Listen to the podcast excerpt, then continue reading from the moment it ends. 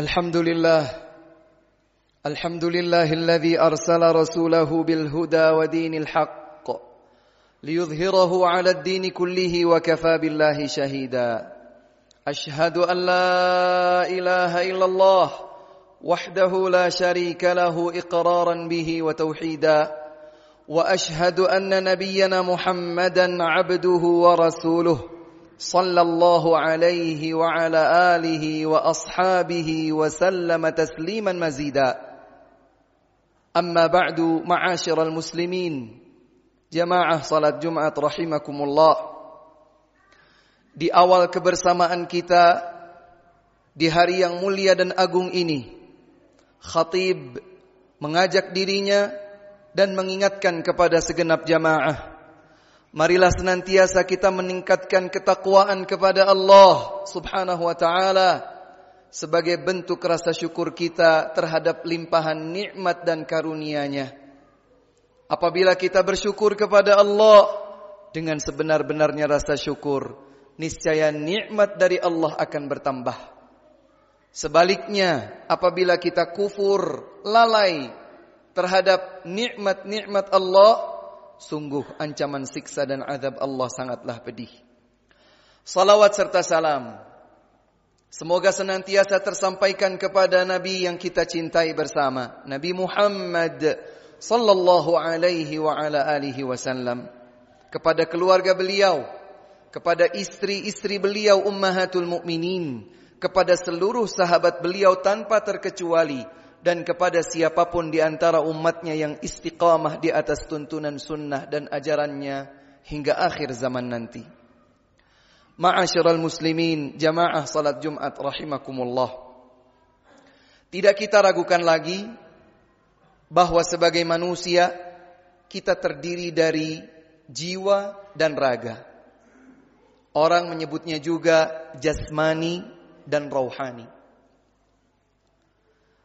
Dan kita melihat di dalam kehidupan nyata bahwa hampir setiap orang bersungguh-sungguh untuk memperhatikan kebaikan dan kesehatan jasmaninya. Dia berpikir keras bagaimana mengatur pola hidup yang sehat dan baik.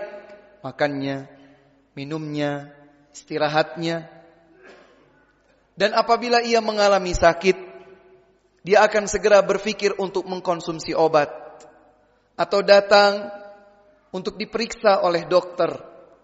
Dan tidak jarang apabila kondisi sakitnya semakin parah, dia dengan rela hati ditusuk sana, ditusuk sini, opnam agar kesehatannya bisa pulih kembali. Tidak sedikit dari perusahaan-perusahaan besar memperhatikan bagaimana agar seluruh pekerja di perusahaannya dapat menjaga stabilitas kesehatan jasmaninya.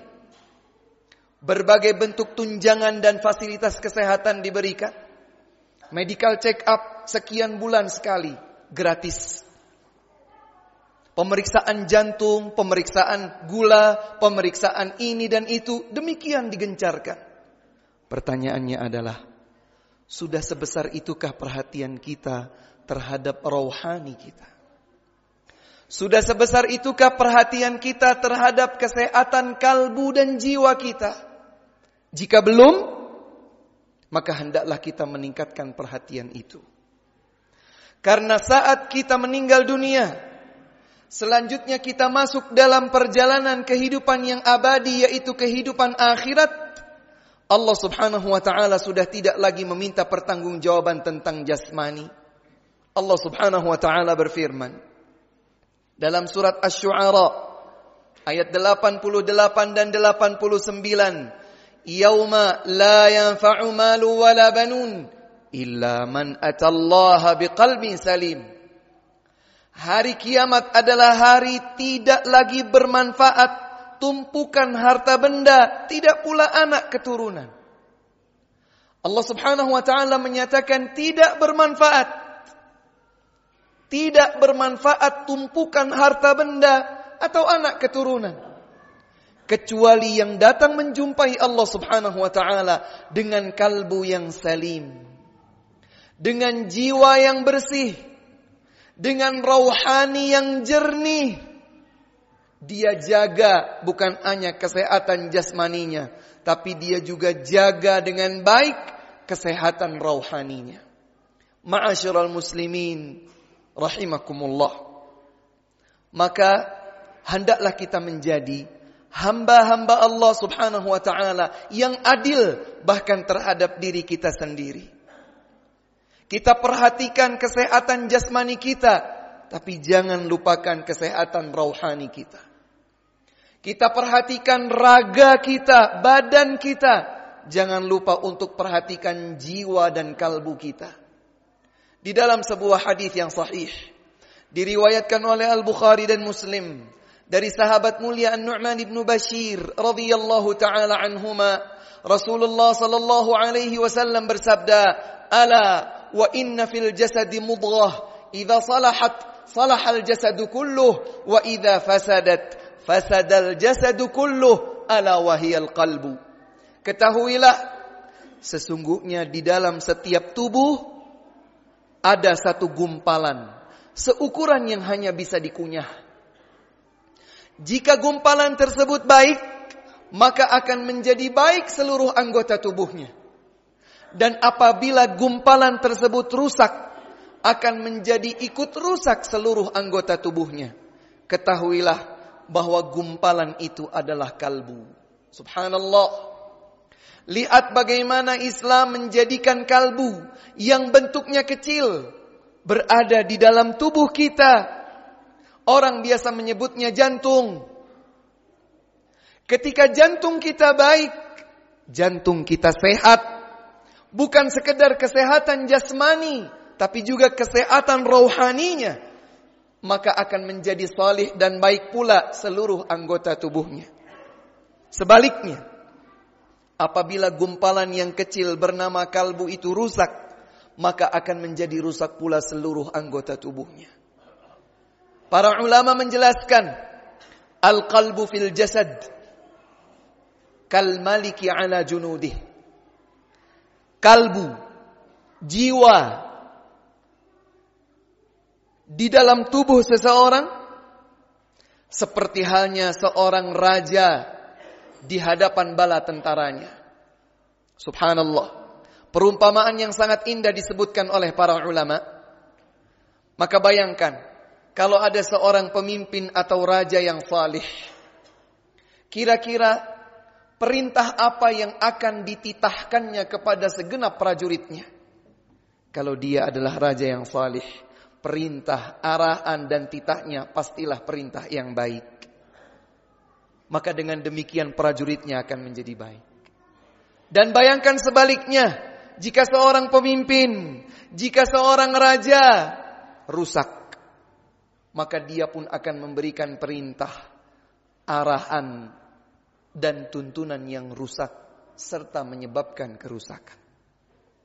Semoga Allah Subhanahu wa taala menjadikan kita semua sebagai hamba-hamba yang tidak hanya sekedar memperhatikan kesehatan jasmani, tapi juga kita memperhatikan kesehatan rohani. Bukan hanya memperhatikan kesehatan raga, tapi juga kita memperhatikan kesehatan jiwa. Bukan hanya sekedar kesehatan-kesehatan yang dapat ditilik oleh seorang dokter, tapi juga kesehatan jiwa, kalbu, jantung yang dapat dibenahi dengan ayat-ayat Allah Subhanahu wa taala dan hadis-hadis Rasulnya sallallahu alaihi wasallam. Barakallahu li wa lakum fil Qur'an was sunnah wa nafa'ani wa iyyakum bima fihima minal ayati wal hikmah وتقبل مني ومنكم العمل بهما فاستغفروه وتوبوا اليه انه هو الغفور ذو الرحمه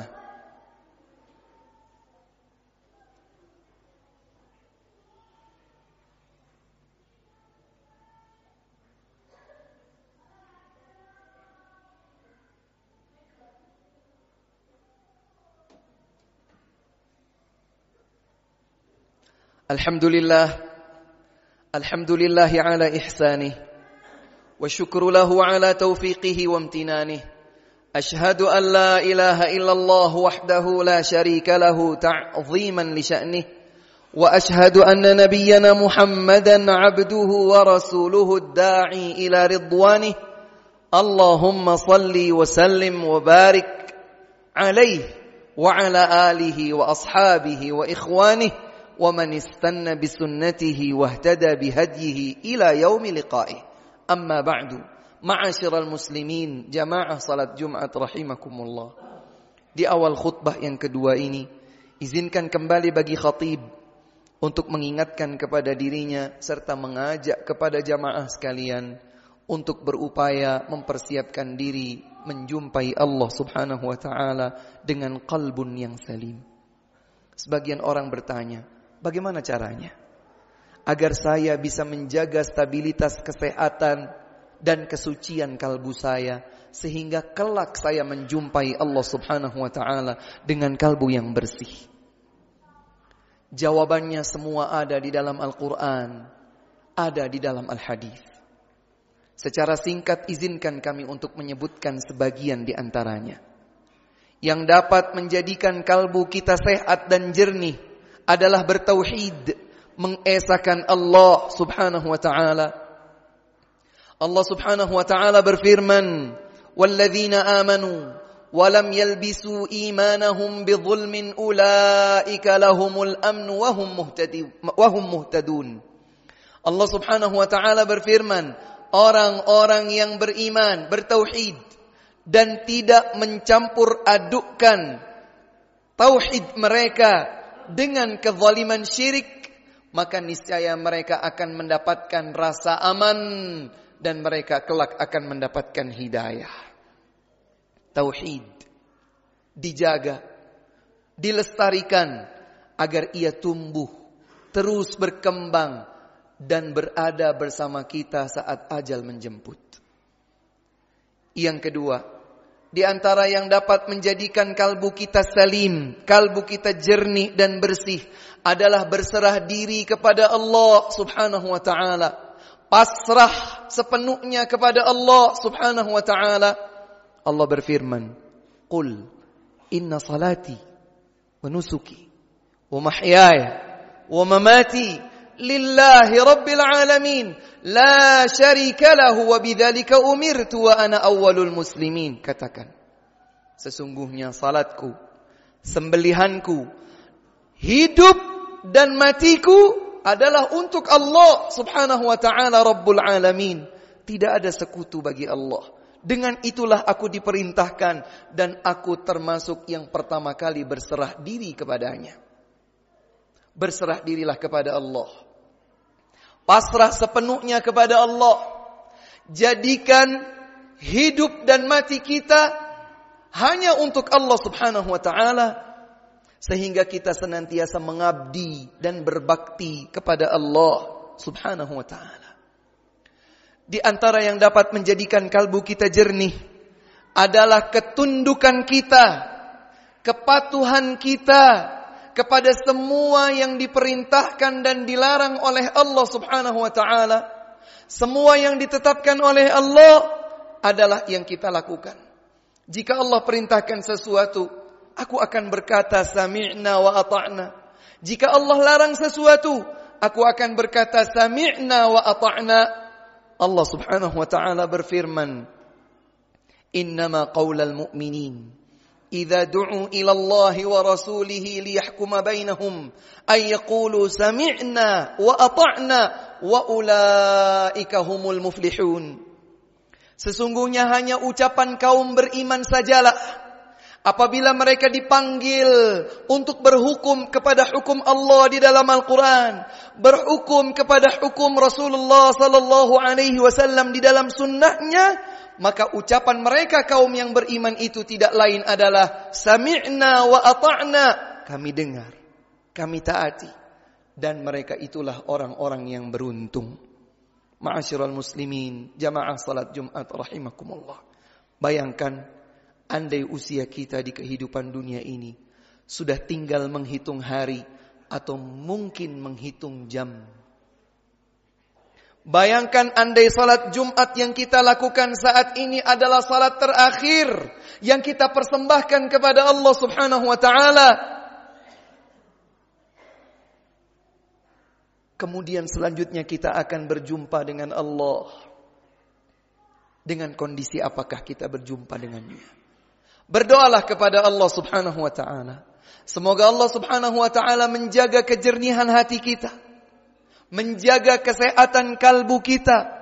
Menutup hayat kita dengan husnul khatimah. Dan memasukkan kita kelak ke dalam surga tertingginya Al-Firdaus.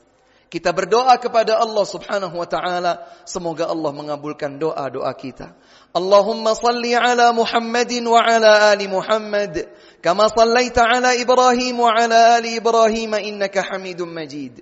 اللهم بارك على محمد وعلى آل محمد كما باركت على إبراهيم وعلى آل إبراهيم إنك حميد مجيد. اللهم اغفر للمسلمين والمسلمات والمؤمنين والمؤمنات الأحياء منهم والأموات. إنك سميع قريب مجيب الدعوات. يا قاضي الحاجات.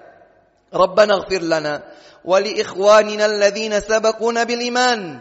ولا تجعل في قلوبنا غلا للذين آمنوا. ربنا إنك رؤوف رحيم. اللهم إنا نسألك الهدى والتقى والعفاف والغنى. ربنا هب لنا من أزواجنا وذرياتنا قرة أعين. واجعلنا للمتقين إماما. اللهم وفق ولي أمرنا لما تحب وترضى وخذ بناصيته للبر والتقوى.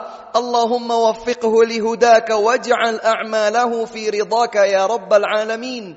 اللهم اجعل هذا البلد امنا مطمئنا رخاء سخاء وسائر بلاد المسلمين. ربنا آتنا في الدنيا حسنة وفي الآخرة حسنة وقنا عذاب النار. وصلى الله وسلم وبارك على نبينا محمد وعلى آله وصحبه وسلم أجمعين. عباد الله إن الله يأمر بالعدل والإحسان وإيتاء ذي القربى وينهى عن الفحشاء والمنكر والبغي.